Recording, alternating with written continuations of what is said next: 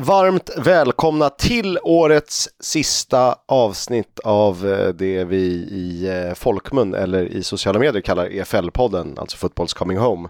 Där vi kommer bjuda på en hel del smällkarameller. Vi kommer fortsätta vår ranking av de tio bästa på respektive en position om vi väljer att säga det så. Idag har det blivit dags för tior slash offensiva mittfältare.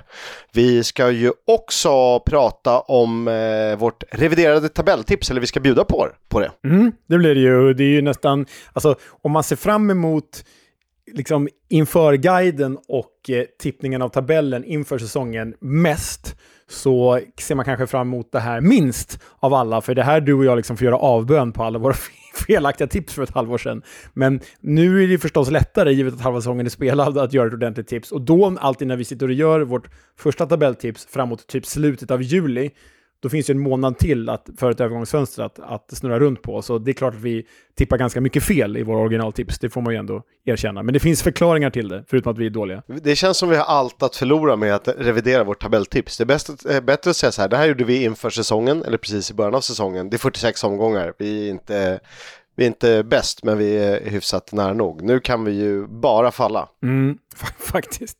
Du, eh, har haft en bra jul eller? Har det, har det varit någon jul i engelsk fotbollsskrud? Ja, men jag tycker att jag har eh, lyckats klämma in en hel del matcher på eh, television, i alla fall de som har eh, gått att se emellan alla ja, julskinkor och vad man nu petar i sig.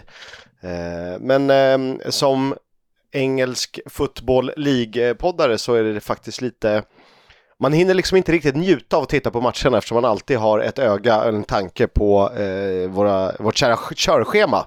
Så, men eh, jag har gjort mitt bästa. Du har ju fyllt år också. Eh, vad är du nu? 37? Ja, 37. Exakt så. Lite, lite, lite för gammal för mitt eget bästa. Men eh, det har varit bra. Det har varit en, en jul och en födelsedag i fotbollens tecken.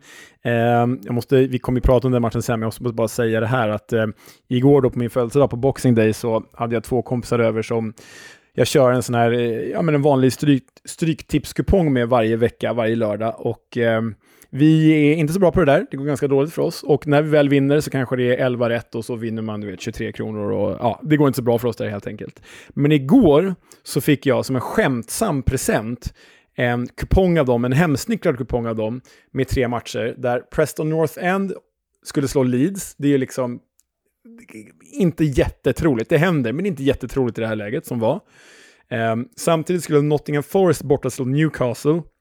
Och det händer ju verkligen inte. Newcastle vinner ju på hemmaplan. Det är borta de är risiga liksom. Och sen då framförallt skulle ju Rotherham slå Middlesbrough hemma. Och det vet ju både du och jag att det händer fan absolut inte. Så de gav ju den här till mig på skämt och satsade typ 50 spänn eller något. Eh, det slutade med att alla de här resultaten föll in och jag vann 6500 kronor, så det blev en väldigt bra födelsedagspresent. De kommer aldrig mer köpa någonting så fint till dig, eh, med risk för att ha gått miste om 6500 kronor. Nej, faktiskt, faktiskt riktigt sjukt. Men, eh... De pengarna kommer gå rakt in i vårt, eh, på vårt champagnekonto eh, som vi erbjuder alla resenärer som åker med till Leeds, eller hur? Tveksamt. Men på tal om det, vi ska ju till Leeds, vi har sagt det dagarna i ända nu. Var, det har varit liksom en evig julkalender för er stackars kära lyssnare, att varje lucka öppnas och bara, hörni, vi ska till Leeds den 24 februari. Vi ska till Leeds, till Road för att se Leeds mot Leicester eh, sista helgen i februari tillsammans med Nickes.com.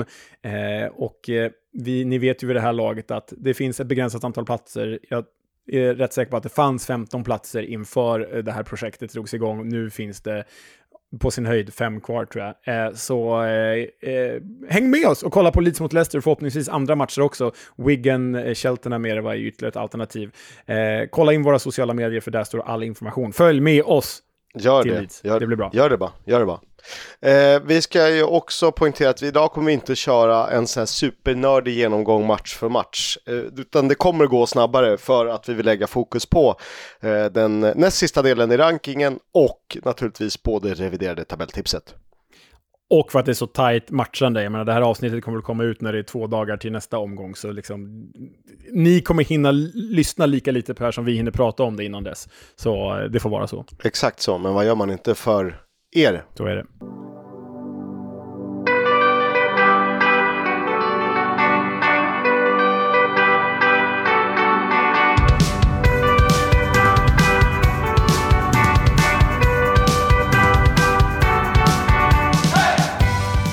Du lyssnar på Footballs Coming Home, en podcast om Championship, League 1 och League 2 med mig, Oskar Kisk. Och naturligtvis även Leonard Jägerskiöld Welander närvarande. tackar vi för. Eh, vi gör så att vi eh, har, pratat, eh, har kallpratat färdigt så vi dyker rakt in i det som var fredagens två matcher. Det här är alltså den 22 december va? De, de Mm, för, precis. de för, de för dopparedagen. Dan för dan för dopparedan. Kanske mest uppseendeväckande var ju att eh, Hull vände mot Bristol City men lyckades sedan tappa sin ledning och eh, istället vände ju Bristol City och vann med 3-2. Ja, de vann med 3-2 ganska överraskande ändå. Man har ju liksom har ju stått och stampat lite under Liam Manning, men eh, avgjorde då genom Jason Knight i 84 minuten. Cameron Pring med dubbla assist. Med mitt, oss. eh, Men- med mitt ja. Gaffer som andra reserv, bara så att ni vet det. Sen jag bytte in honom har han typ eh, två assist och ett mål. Tackar, tackar. Ja, snyggt. Inte som Jadon Philogene Bidel som är nowhere to be found sen jag bytte in honom. Missat straff, skadad. Det är vad han har gjort sen jag bytte in honom. Men eh, två raka segrar för The Robins sen, eh, för första gången sen februari. Så eh, ja, Liam Manning har fått koll på de där rödhakarna nu. Ja, men det, det blå- blåser positiva vindar på Ashton Gate, vilket vi ju ändå någonstans tycker är lite roligt. De, Ja, de kan ju nosa på playoff. Och det här ska vi faktiskt ta upp eh, rent personligen med Pontus Wernbloom när han gästar vår, eh, vår eh, podd på andra sidan nyår här. Och jag vet att du vet detta Pontus, för jag messade dig ju på från, min, från morgontoaletten, var det på min födelsedag på annan dagen, annan dagen eller var det den 22? I alla fall, Pontus Wernbloom skriver ju för eh, Stryktipset eh, så här kommentarer varje vecka, vilka matcher man ska tippa på och så. Och då skrev Pontus inför en Bristol City-match, det var nog inte den här, utan det var nästa match, så skrev han att Bristol City är nog det osexigaste gänget i hela The Championship. Så jag var, kände mig nödgad att smsa honom och skriva mer eller mindre vad fan håller du på med? Vet, vet hut Värnblom, Bristol City, det är ju liksom, de är ju allt annat än osexiga. Så det här ska vi bråka om mer när, när du gästar oss Värnblom, bara så du vet. Det osexigaste med Bristol City är att de har en så här modern City Football Group-ig-logga som jag ändå tycker är helt, den är okej. Jag förstår varför de har den, men eh, där hade man kunnat göra något coolare. Men i övrigt så känns ju Bristol City helt sexigt. Ja, ja det, är ju, det är ju verkligen upp i våra led. Eh, så det ska vi diskutera Pontus när du kommer. Nog om det, jag ville bara få det sagt. Tungt för Hull naturligtvis att tappa den eh, ledningen. Swansea Preston North End slutade 2-1. Det, detta sedan Jamie Patterson gjort två mål hemma för Swansea börjar ju eh, hitta gammal form som man hade med Obafemi och Peru och eh, det tillslaget på 1-0 målet, jag tror till och med vi delar det på Twitter. Ah, ruskigt, ruskigt elegant alltså. Så läckert bara eh, in där vid, vid vad säger man, bortre stolpen. Ja. Eh, super, superfint av Jamie Patterson och eh, ja, vi behöver inte säga mer än så. Är, du har skrivit att det förtjänar, förtjänar en plats i Puskas Award. Så bra vet jag inte om jag tycker det är, men absolut ett av säsongens sex snyggaste mål. Ja, men just tillslaget är så fantastiskt elegant. Ja, det håller jag med om. Vi dyker in i lördagens absoluta höjdpunkt och det blev en galen uppvisning i effektiv fotboll signerat Leeds hemma mot Ipswich. Den slutade 4-0, den såg jag eh, samtidigt som jag rullade köttbullar. Mm, just det, det kommer jag ihåg att du sa. Jag såg den parallellt med att mina barn och jag typ spelade något sällskapsspel eller något, så det var lite lurigt. Men Eh, det var ju, som du säger, dels en uppvisning i effektiv fotboll från Leeds, men kanske det man tar med sig framför allt var att Leif Davis, den forna Leeds-försvararen och eh, spelaren som vi rankat som seriens bästa ytterback, hade ju en mardröms eh, eftermiddag för sitt kära Ipswich. Dels gör han ju självmål till 2-0 och dels drar han på sig straffen som innebär 3-0 från Christiansio Summerville. Så ja, släkten är värst, fast bäst i det här fallet då. Exakt. Ellen Road fortsätter att vara den enda obesegrade arenan eh, efter den här matchen alltså. Och eh, Ipswich har ju faktiskt fler insläppta än Millwall, så fortsätter även efter eh, Boxing Day.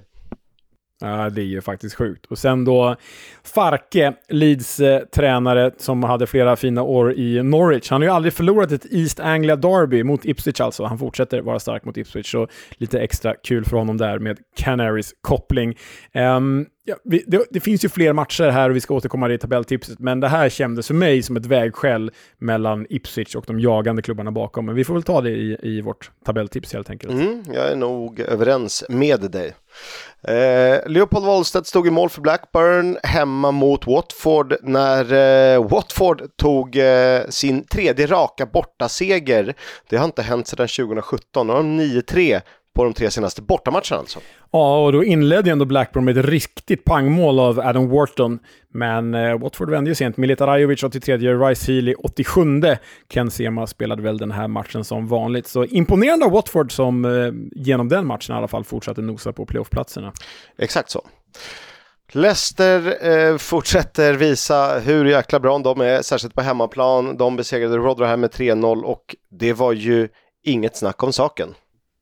Nej, Patson Daka, eh, både 1-0 och eh, 2-0 och sen spelade med namnet Cesare Casadei. Ah, det är så underbart namn alltså. Satte trean. Eh, men klasskillnad och eh, Leicester bara eh, utökade då avståndet till Ipswich, 6 poäng. Skillnad då från ettan till tvåan. Så är eh, ruskigt bra. Eh, Victor Johansson kunde inte göra i, eh, mot Leicester här, såklart. De hade alltså 24-2 i skott, 11-0 i avslut på mål, 20, eh, 76-24 i bollinnehav, 10-0 i hörnor. Det var liksom... alltså det märktes att det var eh, serieledarna mot jumbon. Ja, ja, det kan man lugnt säga. Vi kan väl spara deras statistik lite till, eh, till senare i programmet. Millsbro West Brom är två playoff-kandidater, tror väl vi. 1-0 slutade matchen när Morgan Rogers, som ju inledde sin karriär i West Bromwich Albion, blev matchvinnare för Borough hemma mot eh, Albion. Mm, och eh, Borough då hoppat upp på hästen igen efter tre raka förluster, så i och med den här segern så två segrar i rad. Eh, det behövs ju för Borough och Carrick. 2-0 blev det när Norwich eh, mötte Huddersfield hemma på Carrow Road. Sam McCallum och Borja Sainz, som ju kommer att spela huvudrollen även på Boxing Day, såg till att Norwich i och med det här var obesegrade i fem raka. Men varje skön liten statistiknugget vi gräver fram, den brinner ju upp eh, i och med julafton. så att, jag vågar inte säga. på det också. uh, ja, så är det faktiskt. Uh, vi får, eh, vi, får lära oss efter två och ett halvt år med den här podden eftersom vi har, eh, ska göra ytterligare ett halvår minimum så eh, får vi väl vända lite på steken där. Så är det. Målrikt blev det när Plymouth tog emot Birmingham 3-3.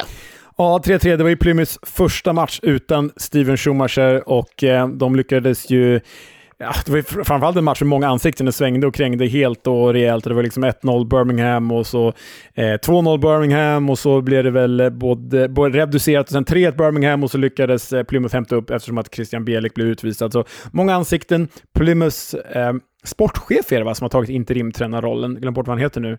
Eh, han uttalade sig ju efter matchen att eh, vi är så glada att vi klarade av det här nu när Steven är borta. Det känns som ett så här, oj vilket jävla losersnack, förlåt, men, men eh, eh, det är klart att ni skulle klara av det, det är ju hemma mot Birmingham, oavsett om Steven Schumacher är med eller inte.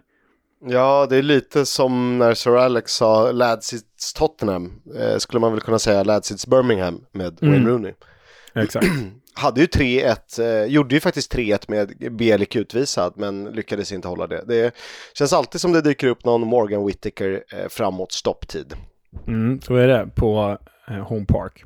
Eh, Juninho Bacuna 1 plus 2 för Birmingham, ändå något positivt att ta med sig. QPR Southampton slutade 0-1 och det innebar att Saints nu har vunnit fem av de sex senaste matcherna på Loftus Road. Och det innebar också att i och med den här segern var Saints obesegrade i 15 raka ligamatcher. Men som sagt, alla de där statistiknuggetsarna ändras, ändras ju efter ytterligare en omgång, så vi återkommer till det. Det gör vi. Sheffield Wednesday, Cardiff 1-2 i ett, eh, ja inget derby, men ett ångestderby. Eh, Cardiff har ju eh, kommit in, innan den här matchen från en rätt tung period. Eh, det som är positivt för Sheffield Wednesday här är väl att Anthony Mosaba gjorde sitt tredje mål på fyra matcher.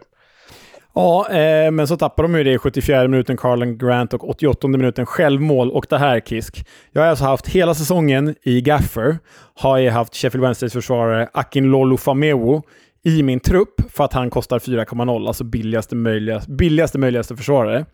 Jag har inte använt honom en enda gång eftersom att Sheffield Wednesday varit skit och piss. Men inför den här matchen tänkte jag, Sheffield Wednesday är på gång. De har Cardiff femma. Det är klart de kommer vinna här, kanske till och med hålla nollan. Så jag låter Akin Lolo Fameo starta den här omgången.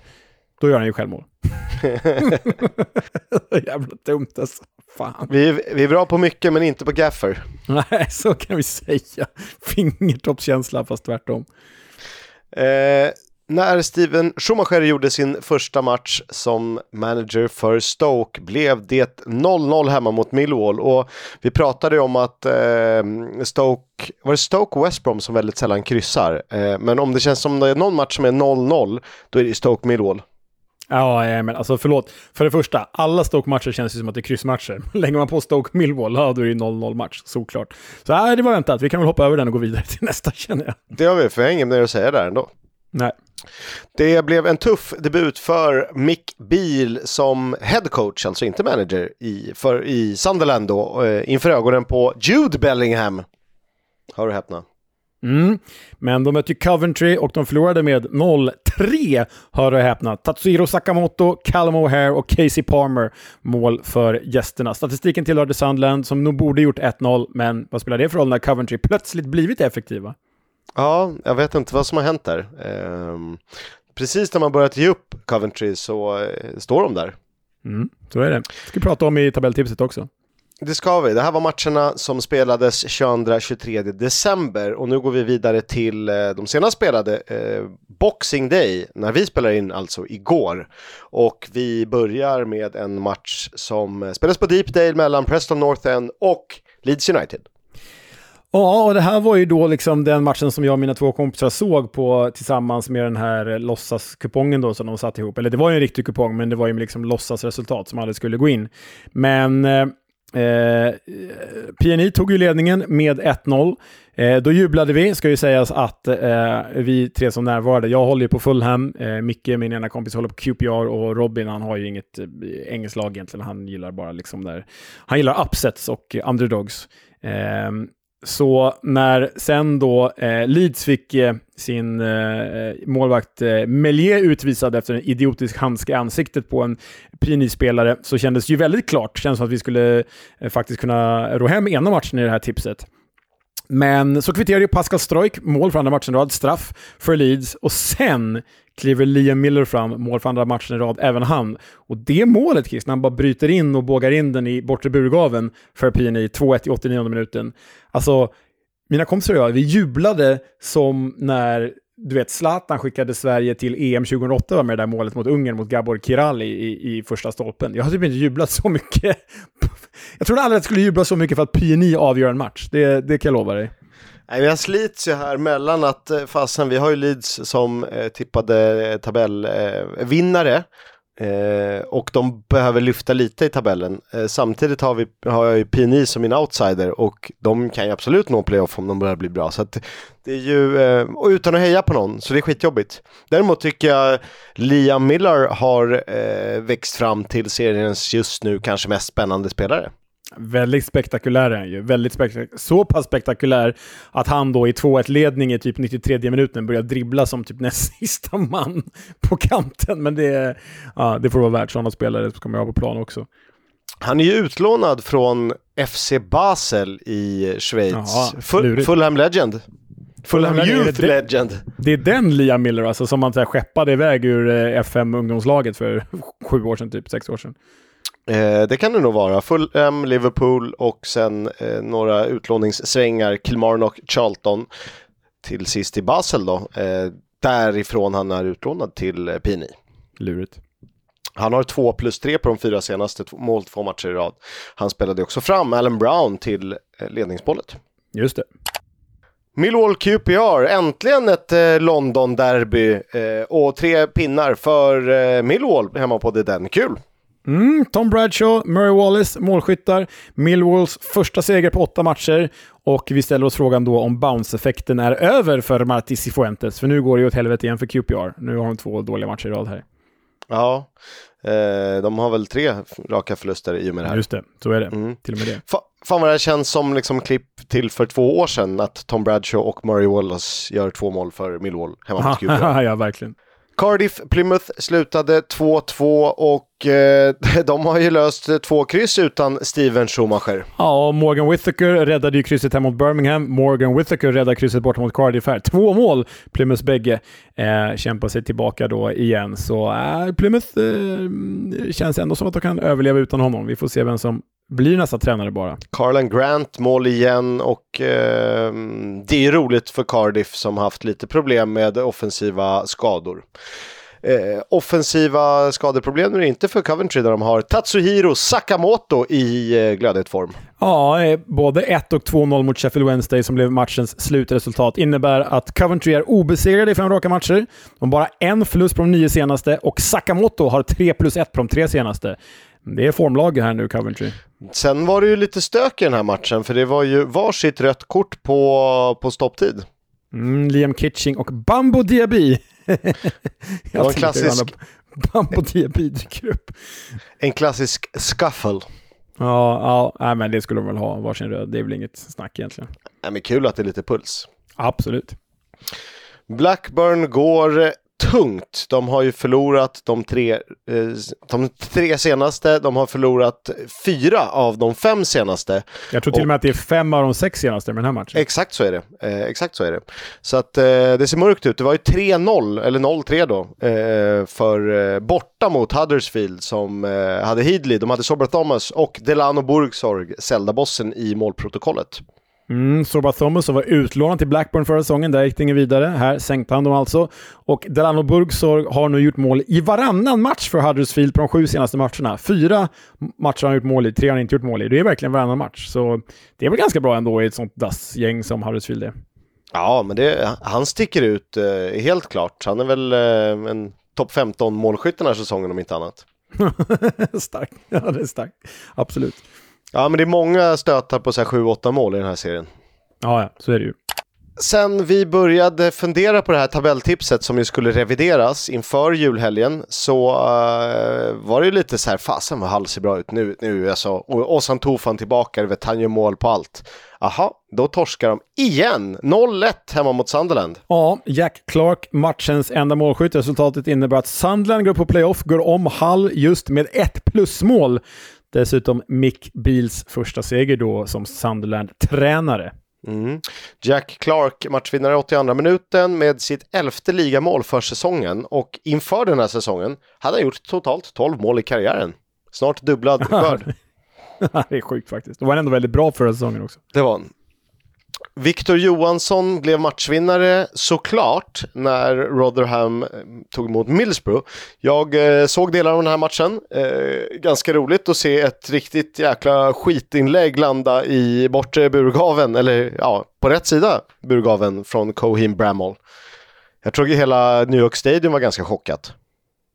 Ja, jag kunde ju tyvärr inte se den här eftersom att den var liksom sista matchen på den där fantasikupongen som till slut gick igenom. Men eh, jag har nog aldrig blivit så glad av en Rotherham-seger heller, så tack Victor Johansson. Mm, roligt. Eh, han gör ju en jätteräddning. Jag kommer inte ihåg på vems avslut det var. Jag försökte hitta den här och dela den, men eh, sociala medier var inte min vän. Vi, jag kollar direkt när vi har spelat in det här om jag kan hitta hans eh, fingertoppar som styrde bollen ner i stolpen. Southampton, Swansea, eh, ah, det blev ju slakt. Ja, Russell Martin ledde ju Swansea i 99 matcher. Eh, var väl rätt bra med dem, eh, absolut. Här blev det ju alltså 5-0 för Russell Martin och Southampton mot hans gamla klubb Swansea. Och utan då att Adam Armstrong gör ett enda mål. Istället Joe Aribo, Sammy Dozy, Ryan Fraser gånger två och Che Adams. Det innebär, Kisk, att Saints har tre raka segrar, 10-0 i målskillnad, 16 raka utan förlust. Ja, det är hiskeligt bra. Det är hiskeligt bra. Eh, vem tror du satte in Adam Armstrong som kapten inför den här matchen? Nej, det, nej, från att det inte var jag så började jag varit du. Ja, det var det ja. Jag, eh, tyckte att, jag tänkte att eh, det luktade lite formsvacka på Joel Peru. Ja, i och för sig, han gav ju mig eh, 12 poäng, gånger två då. Ja, det är ändå ganska bra. Eh, för, ja, det är ganska. För Southampton var det här nytt klubbrekord, alltså 16 raka utan förlust. Tidigare rekordet för dem var 15 raka då. Eh, och det rekordet var 102 år gammalt, så eh, det har de slagit nu. Imponerande. Mm. De, eh, när vi pratar mycket om Leicester och Ipswich och en hel del om Leeds senaste veckorna så smyger ju Southampton upp där på en tredjeplats i i med det här. Eh, och det ser fasen jäkligt bra ut. Ja, det ser jäkligt bra ut. Får också eh, återkomma till. Watford, Bristol City, alltså Watford, vad håller de på med? Helt plötsligt verkar de bra. Då tappar de hemma mot Bristol City. De... Ah, nej, jag vet. Alltså, när de precis börjar tänka på Watford som men de kan nog komma femma, sexa, så torskar de med 1-4 hemma mot Bristol City. Det är svagt. Det är ändå svagt, måste man ju säga. Även om Bristol City är sin sexiga. Ja, exakt. Däremot är det ju eh, starkt av Bristol City att ta sin tredje raka seger. Eh, kan se man spelar hela matchen. Cameron Pring gjorde mål, men det vet ni eftersom jag bytte in honom i fantasy, dock i elvan. Eh, och så är de vanliga stötarna, det är Mark Sykes och Andy Weiman såklart. Mm. Och Bristol City med en sån här, med en ordentlig push, så skulle de kunna utmana en playoffplats, men det tror jag väl inte riktigt att de är än. Ja, det sjukaste är att de ligger åtta. Och hur ja, fasen har de placerat sig som åtta? Jag vet, då har de ändå varit tillräckligt dåliga för att behöva tvinga sparka en tränare också, ska man tänka på. Ja, exakt. Så att eh, det svänger fort i Championship. Birmingham Stoke ska vi prata om snart, men först ska vi nämna att West Bromwich Albion besegrade Norwich i en playoff-duell, även den. 1-0 slutade matchen och Borja Sainz, som gjorde mål, matchen innan såg rött här. Ja, eh, två gula kort på tre minuter drog han. Det innebar ju en man mindre för Norwich i en timme och då kunde ju Brandon Thomas Asante göra matchens enda i minut 50 för West Brom. Typ seriens bästa sämsta anfallare eller något sånt där. Verkligen. Eller sämsta bästa eller någonting. Ja, verkligen. Ja, bästa sämsta tror jag. Birmingham Stoke sa vi. 1-3 slutade matchen och torskar man hemma mot Stoke med 3-1, då är det fan, då ska man ha dosan.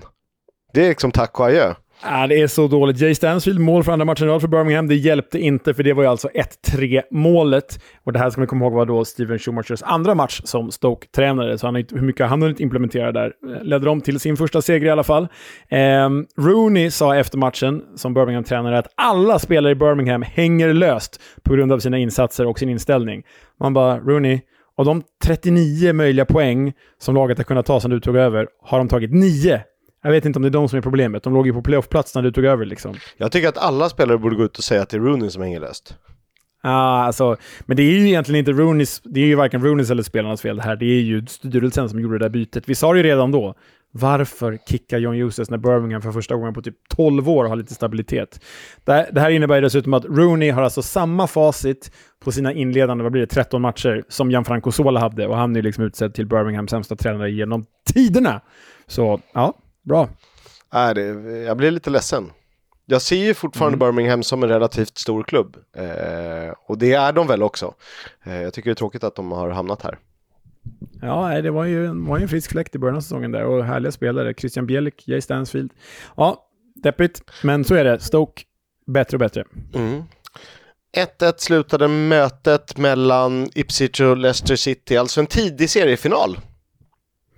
Mm, och det var ju en eh, viktig kvittering där för Ipswich. 93 minuten. Eh, då hade de ändå legat på ganska länge där innan. Men det var ju viktigt för att det är fortfarande bara 6 poängs skillnad mellan dem i topp.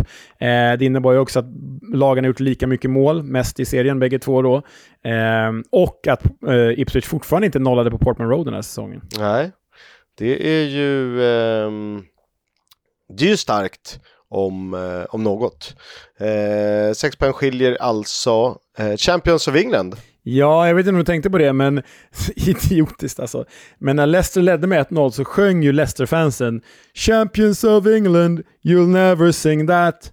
Man bara, Ipswich vann ligan 1962. De vann den alltså 40 år före er, era jävla idioter. Ja, återigen ett gäng som tror att Premier League är starten på fotbollen. Exakt. Ja, fullkomlig idioti alltså. Mm. Eh, med 1-1, viktigt för eh, tabellen, tycker jag. Har vi någonsin varit så här snabba genom eh, två omgångar? Då tog det ändå en halvtimme och vi tycker att vi är snabba. Men nej, vi har aldrig varit så här snabba. Eh, nej. Det är ju för att julmusten och julölen väntar runt hörnet som vi, som vi bränner på här. Egentligen, nu kan vi säga det en bit in i avsnittet, när, när vi lurat alla i början. Ja, jag har ställt, eh, in en, eller ställt ner en kyl, eh, en kyl i snön, en öl i snön. En kyl där, lyssna. Mm. Bra. Ja. Det spelas ju en hel del fotboll innan nyårsafton. Det är alltså fredag den 29 december. Det är full sula, det är en match 19.00, det är ett koppel av matcher 20.45. Och så har man lyckats klämma in West Bromwich Albion Leeds 21.15. Återigen någon så här halv Europa League-kupong. Ja, eh, den är ju faktiskt den är ju ruskigt bra, West Brom Leeds. Lite orolig för Leeds skull där att de ska åka på en ny dänga där, för West Brom borta är ju riktigt, riktigt svårt. Ska vi ju ha klart för, för oss. Annars är jag ju faktiskt väldigt sugen på Watford Stoke. Känns som att det kan eh, bli en hejdundrande fighter där. Så äh, eh, bra grejer överlag den här dagen. Överhuvudtaget. Mm. Och det kommer ju vara, spelas en till omgång innan vi eh, är tillbaka. Vi har väl sagt att vi ska vara tillbaka 3 eller 4 januari. Jag låter det vara sagt eh, exakt vilket datum. Det tar tid att planera ett även sånt. Är det då vi, Så gör, pucka, spelas- är det då vi gör Pucka-paj-avsnittet eller är det veckan efter? Eh, det kan vara veckan efter när vi ska prata FA-cupen. Just det, och sånt. så är det nog. Just det. För det spelas ju FA-cupen alltid första helgen i januari. Eh, och då tänker jag att vi tar ner den med lite pucka-pajs. Mm, rimligt. Eh, men det är alltså full omgång även på nyårsdagen den 1 januari 2024. Har du tittat till det om det finns något roligt att eh, se fram emot? Ja, men det är en tid. Tyvärr spelar ju alla samtidigt eh, eh 16.00, förutom två matcher. Den tidiga är Sunderland Preston, så den bör man väl kunna se. Och den sena, 18.15, Sheffield Wednesday Hull. Den eh, känns ju riktigt tråkig och härlig. Så, så, och sen är det ett koppel där 16.00. Så det blir bra. Middlesbrough Coventry bland annat. Bristol City jagar Scott Twine och det sägs att Burnley är beredd att sälja i januari för 2,5 miljoner pund. Han är alltså utlånad till Hull när eh, vi läser in detta. Det vore ju en fenomenal värvning för Liam Mannings Bristol City, känner jag. Eh, det kanske blir en playoff-push. Deppiga nyheter kring Ross Stewart som ju värvades för stora pengar av Southampton från Sunderland inför den här säsongen. Det är nu klart att han missar resten av säsongen på grund av skada. Vad har han gjort då Kisk? Typ en match på, på ett och ett halvt år. Vår Eh, tippade skyttekung. Vår tippade skyttekung, ja det är över nu. Det kan jag meddela dig. Det är förbi. Nej, deppigt för honom måste jag säga. Mm. Eh, Andreas Georgsson lämnar Southampton för eh, Lilleström. Kul för honom. Huvudtränare för Lilleström har han blivit presenterad som i Norge. är ju en av Norges större klubbar. Tråkigt för oss, för vi var nog så tillvida att de hade stannat kvar över nästa säsong så hade vi nog kanske siktat in oss på Southampton-besök just då Georgsson med nästa IFL-resa. Men eh, så kan det vara. Grattis Andreas! Kul. Eh, Russell Martin såg jag nu ganska nyligen, eller igår, hade uttalat sig om Swansea och eh, han sagt att han inte är förvånad över att de sjunker som en sten i tabellen. Det är ju roligt att han är lite kaxig. Men han, han, han gjorde ett bra jobb, men inget eh, jättebra jobb ju. Nej, nej, verkligen inte. Hörni, det har blivit dags att summera första halvan av eh, säsongen 2023-2024. Eller summera och summera. Vi ska väl prata vårt eh, reviderade tabelltips eller uppdaterade tabelltips om vi så vill. Eh, har vi något mer vi vill kommentera innan vi börjar prata om själva tabelltipset? Nej, men det är ju så här att eh, tabelltipset sätts ihop på samma sätt som vi sätter ihop alla våra listor och tabeller. Du har eh, gjort en reviderad tabell eh, inför återstoden av säsongen. Och jag har gjort en reviderad tabell inför återstoden av säsongen. Och sen har vi liksom slagit ihop de två och eh, räknat ut hur vår gemensamma tabell blir. Och vi går väl nerifrån och upp, kör varannan klubb och där det finns utrymme för diskussion, eller där vi vill diskutera, där stannar vi helt enkelt och diskuterar, känner jag. Mm. Eh, vill du vara först eller ska jag vara först? Ja, men jag kan vara först. Eh, på jumboplatsen, 24 platsen, så har vi ju bägge i våra reviderade tabelltips, förlåt Victor Johansson, men Rotherham, The Miller Men, som vi ju eh, besökte så eh, trevligt och, och, och mysigt där för snart ett år sedan. Äh, det känns eh, nästan hjälplöst. Det, det måste ske till ett riktigt bra januarifönster för att de ska lösa den här situationen. Ja, och jag tror tyvärr inte ens att det hjälper. Inte ens att vi hade väl Victor Johansson på typ åttonde plats över eh, säsongens bästa målvakter, men inte ens det kändes ju liksom, alltså han är ju bättre än så till och med. Eh, så att det här är, det är helt hopplöst. Jag har liksom inga bra tips eller idéer. Nej, så Rotherham 24 plats. Eh, på 23 plats tror vi båda då att eh, Huddersfield hamnar. Och Eh, jag kan väl eh, börja med, ja den spetsen vi pratade om, den är väl redan nämnd och den kan nämnas i en mening. Det är väl typ Delan och Burgsorg. Eh, möjligtvis Sorba Thomas som ändå kan bidra med assist, men jag tycker även han har, har, har tappat fart senaste åren. Så att eh, Huddersfield 23 är väl inte så mycket att diskutera. Nej, det skriver vi bägge under på. Sen skiljer det sig lite här i våra tips på den tredje nedflyttningsplatsen. För det är nämligen så att eh, om man tittar på din tabell så är det Sheffield Wednesday som ligger där. Tittar man på min tabell så är det Birmingham som ligger där. Men tittar man då på respektive plats ovanför strecket i våra eh, respektive tabeller, då har vi bytt. Så att jag har liksom Wednesday precis ovanför strecket, du har Birmingham precis ovanför strecket. Så nu ska vi bestämma oss här Kisk, i vår gemensamma tabell, är det Birmingham eller är det Wednesday som vi skickar ur? Det är ju rätt edgy att sätta Birmingham med sin mästartränare Wayne Rooney åtminstone, hur de såg på den tränarutnämningen. Men jag känner väl att det finns mer spets i Birmingham. De har ju några som jag nämnt, Jay Stansfield, en av dem, Christian Bielik. Eh, man har en klart, klart bättre målvakt i John Ruddy än eh, Dawson eller Vasquez för den delen. Så att eh, Barry Bannon ser förvisso något bättre ut och jag tycker att det är en stor skillnad under Danny Röhl. Men jag tror inte att det hjälper när det finns så pass många lag med grundkvalitet som är högre än Sheffield Wednesdays, även om de skulle satsa i januari.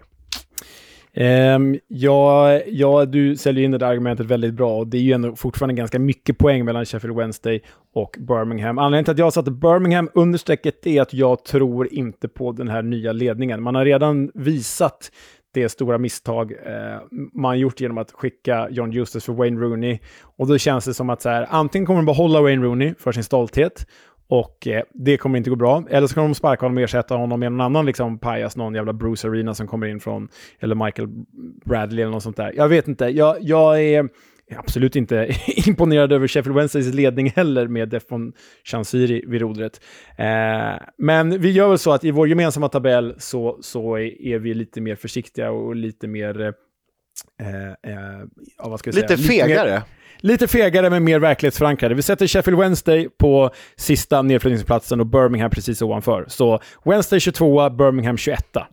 Mm, så får det bli. Eh, sen skiljer det sig lite. Du är inte så helt övertygad om att eh, Plymouth kommer gå jättebra. Nej, det är jag ju inte och du har dem lite högre upp där. Ja, men precis. Det blir så att i vår gemensamma tabell då så har Plymouth hamnat på 20 plats och eh, jag tror att förlusten av Steven Schumacher kommer att eh, bli ganska tung, kommer innebära poängtapp, allt vad det lider. Men framförallt så tror jag att eh, deras naiva bortaspel har kostat dem väldigt mycket redan nu och att deras unga trupp kommer att kosta dem en del poäng, även om de vinner en hel, poäng, en hel del poäng också. Men eh, framförallt att truppen är hiskeligt tunn. De kommer mattas allt vad det lider. Jag tror att de klarar sig kvar, men jag tror att det blir ändå ganska nära strecket till slut. Mm. Alltså när vi pratar om de här placeringarna så spelar det inte så jättestor roll om man slutar på 20 eller på eh, sjunde faktiskt. För att de betyder ju egentligen lika mycket. Jag vet inte exakt hur mycket prispengar det är, det borde vi faktiskt kolla upp.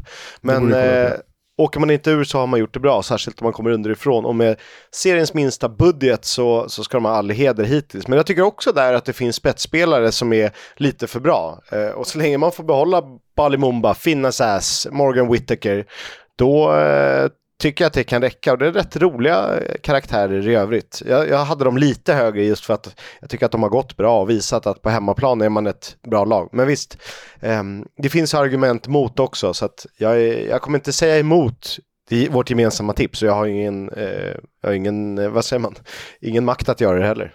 För det är så det är. Då får du presentera plats 19. Mm, där hittar vi vårt kära Millwall. Eh, de var faktiskt på min 19 plats också. Jag tror liksom att det är lite eh, det de har insett den här säsongen att de är.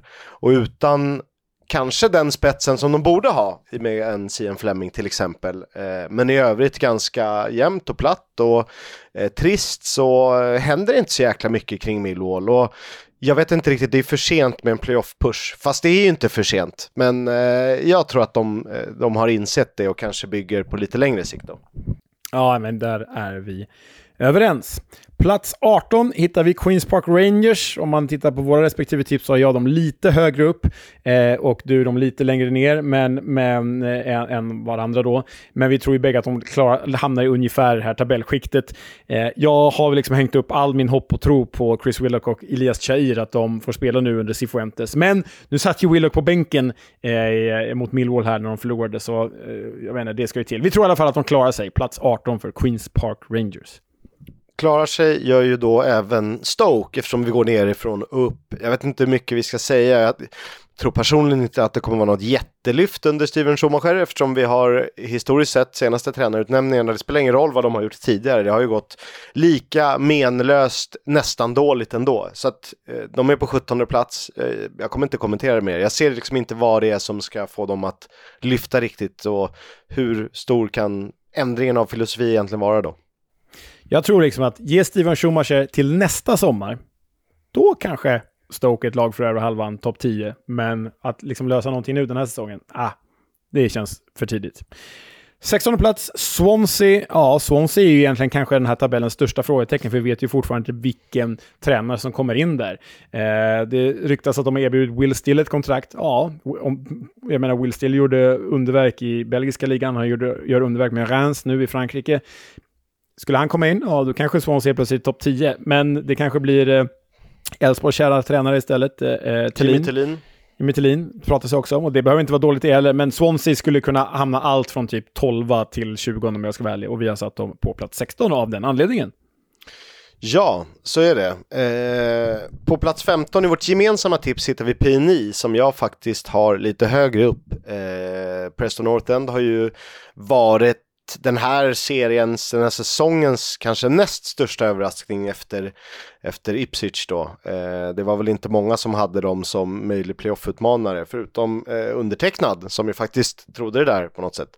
Sen är det ju lite, ska man säga att det är sminkade siffror? Tabellplaceringen är väl kanske sminkad, men övriga siffror är väl lite mer vad de håller hus någonstans. Så det är någonstans i, i mitten av tabellen, det har de absolut gjort sig förtjänt av.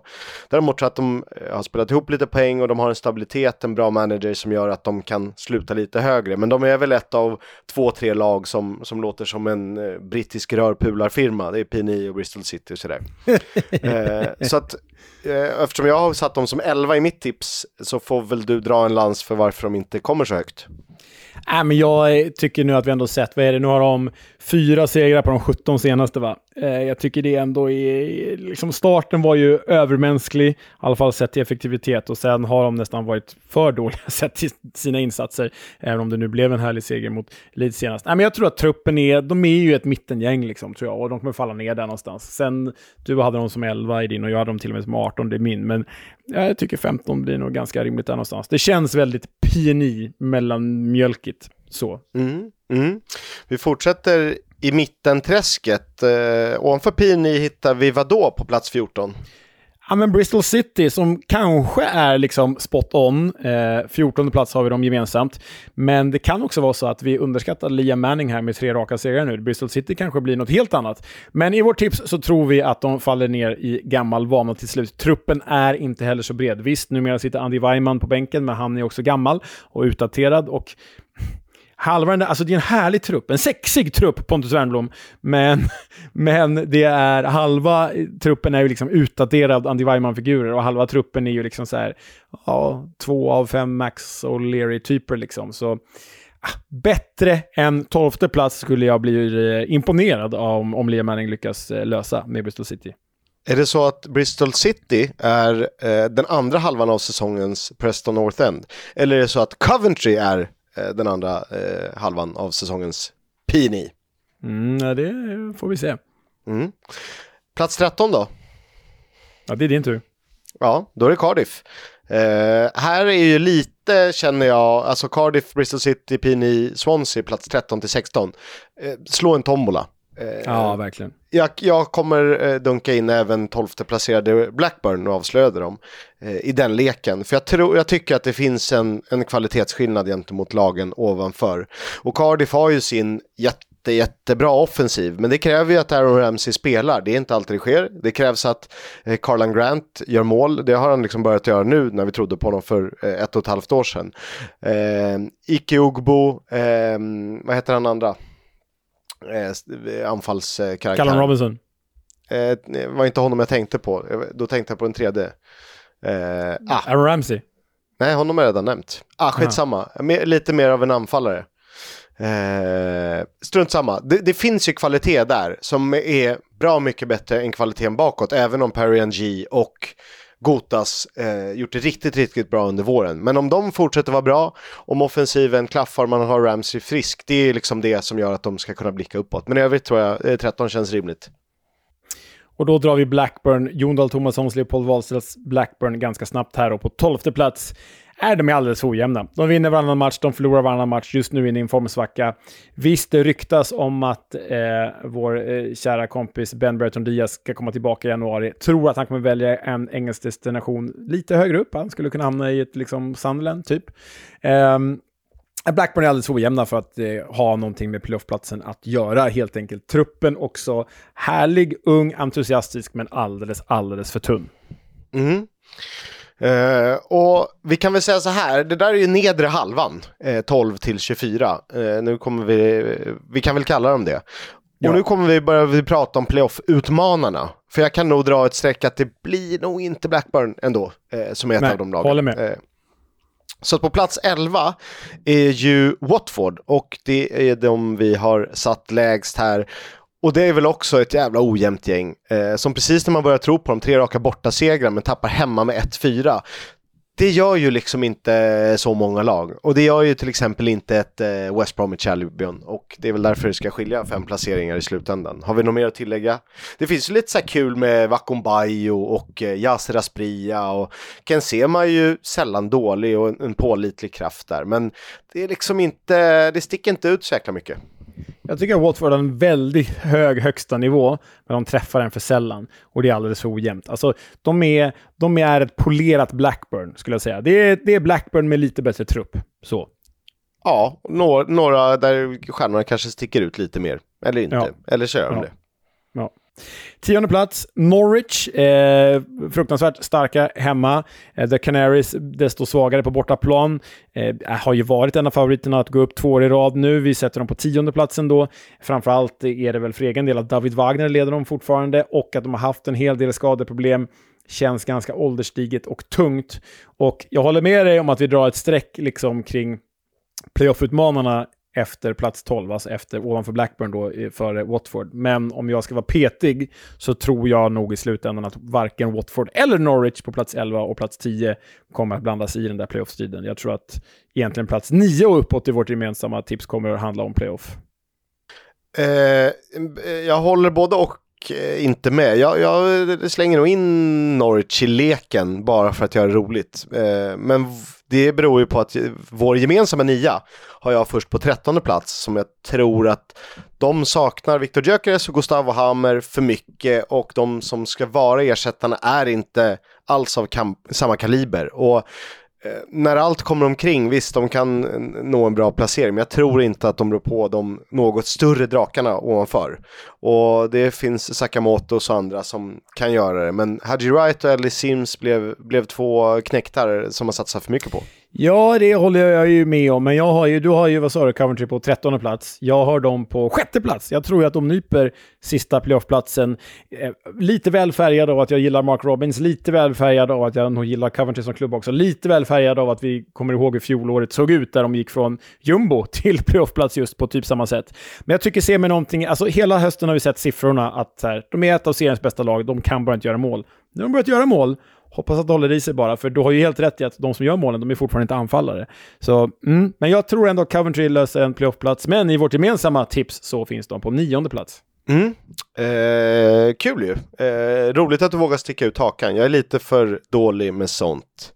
Vår eh, tippade två inför säsongen är enligt vårt reviderade tabelltips på plats nummer åtta. Det är Middlesbrough och det började precis som förra säsongen svagt. Eh, sen ryckte Michael Carricks manskap upp sig. Men det är fortfarande lite stiltje tycker jag. De blandar och ger lite för mycket för att man ska känna att så här, fasen det är klart att de nyper en av eh, de fyra playoffplatserna. Eh, vi kan nog räkna bort dem från direktplatserna redan nu.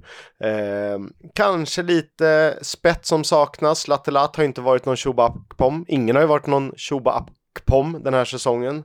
Eh, och de saknar väl någon och det är klart att en klubb som Borough har ju faktiskt möjligheten att i januari plocka in någon, ja men typ om du nämner Berton Diaz som inte Premier League-klubbarna vill ha honom. Det är ju, de skulle kunna gå före om, man, om man baserar det på annat än bara um, emotionella grunder. För att försvara vår andra plats så eh, det som förstörde det när vi tippade det i somras, det var ju ett uruset sensorfönster av Middlesbrough och sen när de väl fått igång och fått ihop spelet nu under sena hösten, början av vintern så har de haft tio spelare skadade varav typ sex ordinarie. Så ja, det är därför vår andra plats har reviderats till en åtta. Sjua hittar vi eh, grannen uppe i nordost där, Sunderland, precis utanför playoffet den här gången alltså. Eh, där landar vi väl i att eh, finns frågetecken kring Mick Biel, även om han eh, löste seger senast. Det finns frågetecken kring eh, anfallet i Sunderland. Vem ska göra målen längst där framme? Eh, det är stötvis Job Bellingham, eller ingen alls. Ehm, så dessutom då seriens yngsta trupp. Och det är väldigt positivt, det är härligt, underhållande och roligt, men det är inte alltid vägvinnande. Nej, det är det inte. Jag har ju Sunderland som sjua. Du hade också Sunderland som sjua. Så att här känns vi ganska överens. Jag tror att det gör ganska mycket att ha några av de här stötarna. Inte för många stötar, men ett par sådana här eh, gamla karaktärer, åtminstone i truppen. Och det är väl lite det Sunderland eh, har saknat i perioder kan jag tycka. Men eh, det är klart att de kommer att vara med och nosa där, det är jag helt övertygad om. På plats 6 hittar vi mitt lag som jag alltid vill att de ska vara där uppe just för att jag tror att de kommer att vara där och det är West Bromwich Albion. De eh, slutar enligt vårt gemensamma tips på sjätte plats och de har en av seriens bästa målvakter, Alex Palmer, som är otroligt, otroligt viktig. Kyle Barkley gör ju en sån här supersäsong. Eh, Townsend Furlong eh, kan vi väl säga ser väldigt bra ut. Och så har de ju offensiva krafter i John Swift, Jed Wallace för att nämna några. Eh, kanske saknar en riktig anfallare. Eh, Brandon Thomas Asante tycker jag är bästa sämsta anfallaren och Daryl Dike, det är liksom jag går inte han? riktigt igång på alltså, det. Förlåt, men liksom, han, det är på den nivån. Liksom. Han är på väg, tillba han är på ja. väg tillbaka nu tror jag. Eh, jag tror att han spelar här framåt eh, nyår, eh, om det inte är någon vecka efter. Men det är liksom, det är inte så att han kommer tillbaka och man ligger och bönar och ber. Wow, nu, nu vinner de serien. Det är inte som att Ross Nej, Stewart skulle göra comeback. Men att West Brom är där uppe det är mot slutet av säsongen, det är vi ju bägge överens om. Och det vi verkligen är överens om det är att båda faktiskt hade The Tigers Hull på varsin femteplats. Således gemensam femteplats för Hull. Kan vara eh, att vi överskattar dem bägge två och nu har det gått lite dåligt här på slutet. Men man har fått tillbaka Ozan Tufan, det här svårbesegrade, kryssande Hull som Liam Rosinho skapade förra våren. De har ju liksom vunnit mycket matcher under hösten tack vare att han lyckats utveckla deras ganska träiga offensiv. Nu är det ju liksom Liam Delap och det är Åsan Tuffan, det är Scott Twine, det är Jadon Philogene Bides, det är, vem missar jag mer där som är där uppe och... och ja, Aaron precis. Connolly. De har liksom, han har lyckats fixa offensiven på det här väldigt stabila defensiva projektet. Och då är det i mina ögon bara en tidsfråga innan de landar på en eh, playoffplats. Så Hall gemensam femma. Mm. På fjärde plats i eh, mitt tips hittar vi Southampton. Eh, de är trea i ditt tips. På tredje plats i mitt tips hittar vi Ipswich. De är ju eh, fyra hos dig. Du tror att de tappar. Och eh, ja, hur ska man eh, säga här? Det jag tror är att Southampton har ju verkligen träffat plankan nu. Det ser jättebra ut, absolut. Men jag tror att det kan komma en dipp under säsongen eh, och då är de kanske inte lika rustade för det som eh, till exempel ett Leeds. Det är därför jag tror att eh, Leeds klarar en av två direktplatser Southampton inte gör det. Eh, och vi vet ju Russell Martin Ball har ju gått i perioder. Eh, nu funkar det jättebra för nu har man lite mer spelarmaterial. Och visst, de kan ju verkligen förstärka januari om det behövs. Ja, alltså anledningen till att jag har Southampton före Ipswich är att jag, jag, tror absolut att Southampton kommer fortsätta. De kommer inte fortsätta vara obesegrade för alltid, men de kommer fortsätta vara ganska bra. För Russell Martin Ball känns inte lika naivt längre. Och det andra är att Ipswich i stort sett har gjort allt det här fenomenala, de här Championship-rekorden, de här fantastiska resultaten har de gjort med en League One-trupp. Och det tror jag kommer börja visa sig snart. Att, och vi har sett det lite nu med, med eh, förlusten mot Leeds. Eh, första halvlek riktigt svag mot Leicester. Eh, jag tror att det är liksom det här som kommer skilja agnarna från vetet lite till slut. Att Ipswich har helt enkelt inte lika bred trupp, lika bra spelare eller lika mycket pengar och därför tror jag att de kommer falla ifrån lite. Ändå någon playoffplats, kanske mycket väl ta eh, den vägen upp till Premier League, för de har ju seriens bästa tränare. Men jag tror, därför tror jag att de kommer fyra. Men om vi ska vara försiktiga igen då, så har vi helt enkelt... Nej, nej, nej. den här gången byter vi. Vi är lite edgy. Okay. Vi har Ipswich 4 för fasen. Sjukt att Ipswich 4 blir edgy när de egentligen är nykomlingar från League One, men givet tabelläget just nu så blir det ju så. Då har vi Ipswich 4 och Southampton 3. Ja, det är inte super-edgy, det är inte som... Eh, nej. Det, det, nej. nej.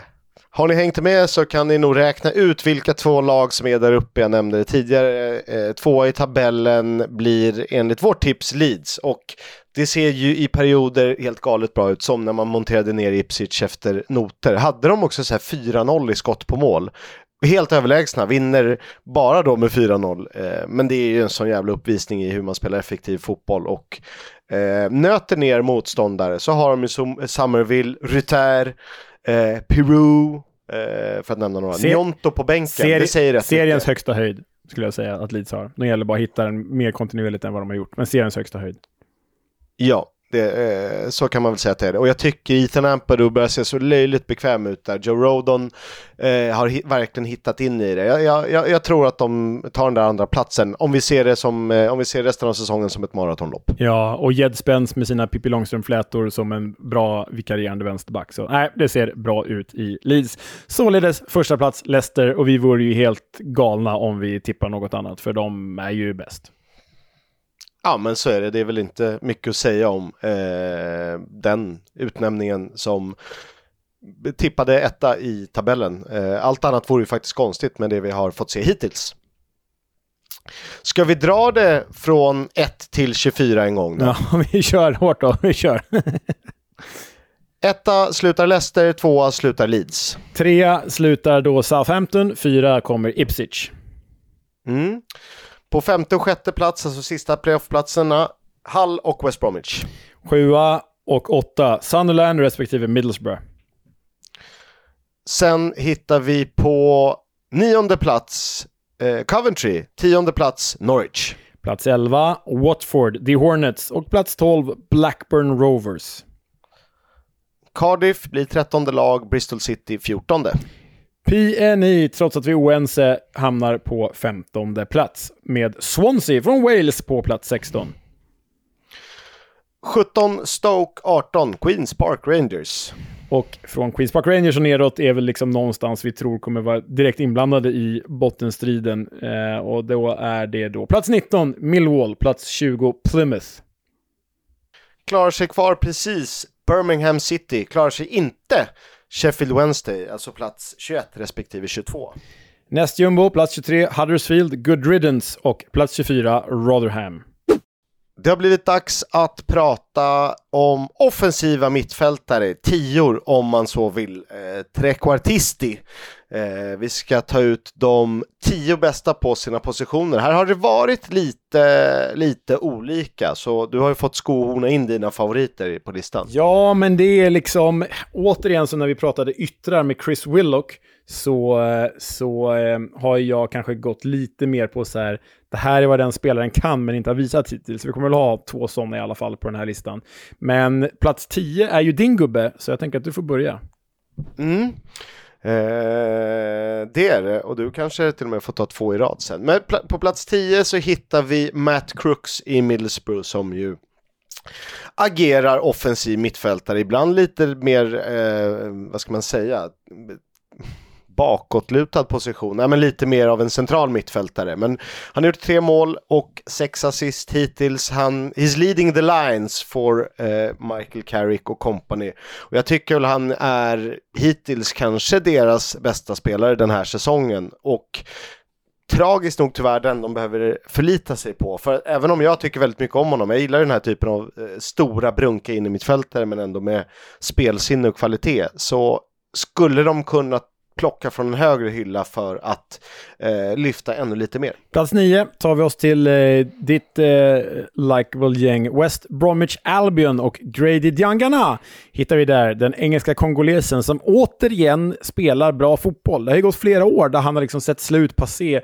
eh, ut och eh, nu spelar han den typ av fotboll som han gjorde under Slaven Bilic när West Brom gick upp för ett par år sedan och faktiskt befann sig i Premier League också.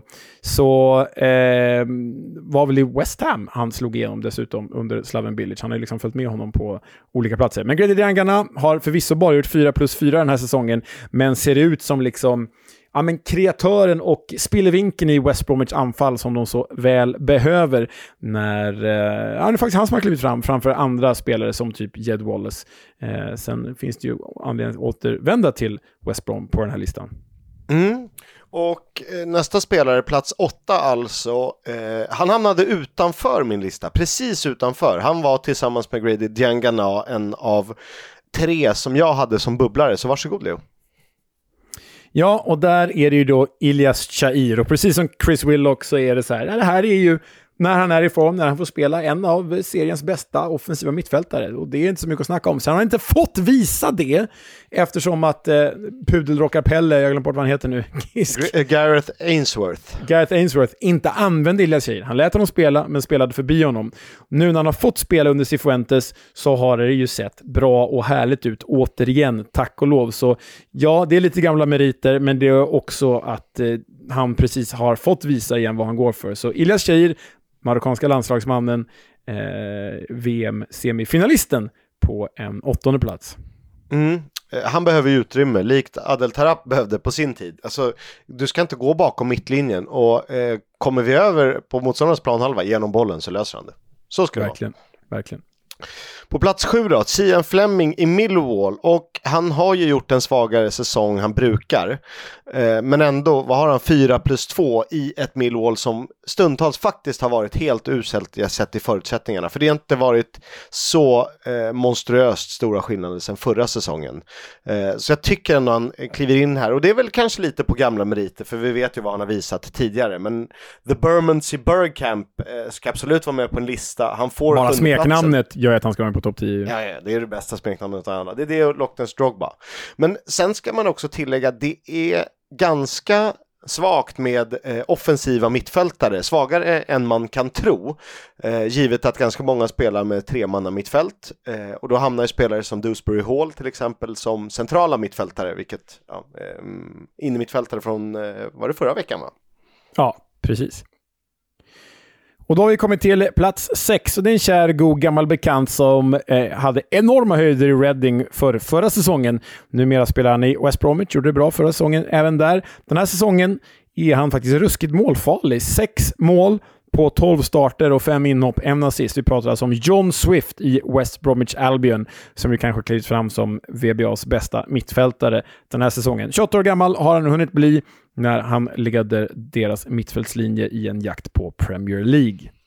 Ja, kan ju operera på lite olika positioner, eh, kan spela ute till vänster om så krävs lite mer av en liksom, central och sittande eh, figur. Men eh, trivs bäst i något slags hål där han får operera fritt. Plats fem då?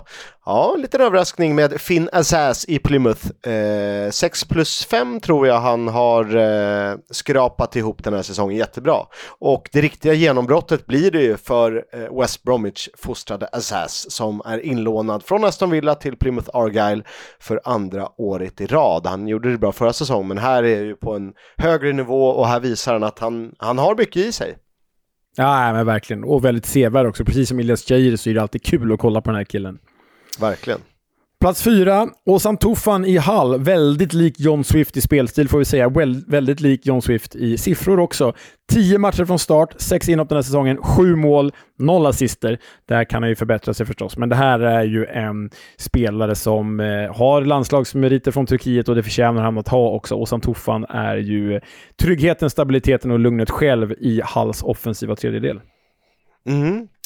Vi går vidare till en av eh, poängmaskinerna i säsongen, eh, alltså hela säsongen, men även naturligtvis för Ipswich. Kanske den spelare som sticker ut mest offensivt, Connor Chaplin, som ju ligger och skvalpar som släpande anfallare för eh, The Tractor Boys. Åtta mål, sex assist hittills den här säsongen. Han har ju faktiskt deltagit i alla 24 matcher, om jag inte missminner mig. Eh, det är väl inte passningsprocenten som sticker ut, men han har ju ett eh, ruskigt avslut. Eh, kan skjuta från distans, kan skjuta från nära håll, dessutom rätt bra på att smyga in bollar. Han är väl inte eh, bäst i luften, men vad fasen behövs det? Han eh, är trea på vår lista, Connor Chaplin. Två på vår lista har vi ju känt som anfallare de två föregående säsongerna, spelat som en av två i Russell Martins eh, Swansea. Men här har han spelat i nummer 10-rollen bakom Jorginho Rutter. Och här är alltså Joel Pirou som vi pratar om, holländaren som tagit eh, ja, tian i Leeds helt enkelt. Nio mål, en assist på 21 matcher har det blivit. Kanske lite för få framspelningar där från hans sida, men det är ju en sån elegant, som klok spelare, bara 24 år gammal. Eh, blev tyvärr utbytt senast då efter det röda kortet på Melier i Leeds. Nej, men Joel Pirou, han är ju gjord för Premier League, det har vi sagt förut. Ja, men det är han väl. Plats nummer ett, vet inte fan om han är redo för Premier League än, men eh, fortsätter det så här så finns väl ingen anledning att inte prova. Eh, för med 14 mål och tre framspelningar är Sami Smodic i Blackburn vår eh, främsta offensiva mittfältare hittills den här säsongen med en överraskande succé där han ju spelat huvudrollen i Blackburn som varit upp och ner. Eh, blir ju någon form av kulturbärare och arvtagare till Ben Brereton Diaz som poängmaskin där fram. Eh, spelar mycket och han har ju spelat så pass mycket och så pass bra att han till och med vilades i, på Boxing Day för att inte stressa fram någon skada kring honom. Han är ju eh, sanslös i sin avslut. Han kan ju chippa bäst han vill. Och sen kan han ju spela på lite olika positioner också, eh, precis som flera andra. Han har ju använts även som, som forward och eh, stundtals på någon kant. Men han trivs ju bäst som 10 eller second striker eller släpande anfallare, kalla det vad du vill. Bäst är han, Sami Smodic. Härligt! Det gillar vi. We'll have a chat about the fucking game. About your game, last few months, last few weeks. Fucking character. När det ska pratas om Super League och annat trams, ja då kan vi väl skicka in vem, om inte Neil Warnock. It means so much to them football and we don't want to change it. We don't want to change it, especially for money. We don't want to change it, and we want competition. We want to dream every every uh, July when we come back in training that we're going to get promotion to that top flight, or we're going to get back up to the Division One or Division Two or whatever. We, we want to dream that we're going to come out of non-league and start as a league club like Harrogate Town last year and Barrow. You know, it, it, you can't stop dreams. That's what, that's what we're still in it. As I'm talking now, I've got goose pimples there now, Andrew. You know, and it's because they don't understand, and because the money men that, you know, I think that their concern really is generating more money. How are they're going to do that, and unfortunately, um, fans and, and are just commodities in their eyes. They just see the turnstile that goes into the coffers. Um, they don't, they've never understood that. Ja, Kiss, det är väl bara att eh, hålla med gubben när han har eh, rätt. Oerhört glädjande att höra eh, Neil Warnock prata eh, om Superligan på rätt sätt, för den vill vi absolut inte ha. Jag säger inte att Uefa eh, och deras fotbollsmonopol är rätt väg att gå. Jag säger bara att det här, precis som Neil Warnock säger, är ett ännu värre alternativ. Eh, man brukar väl säga pest eller kolera va? Mm, precis. Mm, och det får avsluta detta, eh, det sista avsnittet för 2023. Vilken jäkla resa vi haft tillsammans. Ja, det var ett jättemysigt. Vilket långt år. Ja, verkligen. Hur eh, många avsnitt har vi gjort? Vi har ju passerat 100, det missade vi att jubilera. Eh, vi kan väl eh, räkna upp mot nästan 50 den här, det här året. Mm, absolut, vi, vi får hitta på något låtsasjubileum bara. Avsnitt, ja. Det här är vårt 127 avsnitt, yay! och vi är ju tillbaka 2024, så fram tills dess ett eh, riktigt gott nytt år. Hoppas ni får en fin avslutning på julhelgen. Ja, gott nytt år på er. Heja fotboll! Ciao! Hej!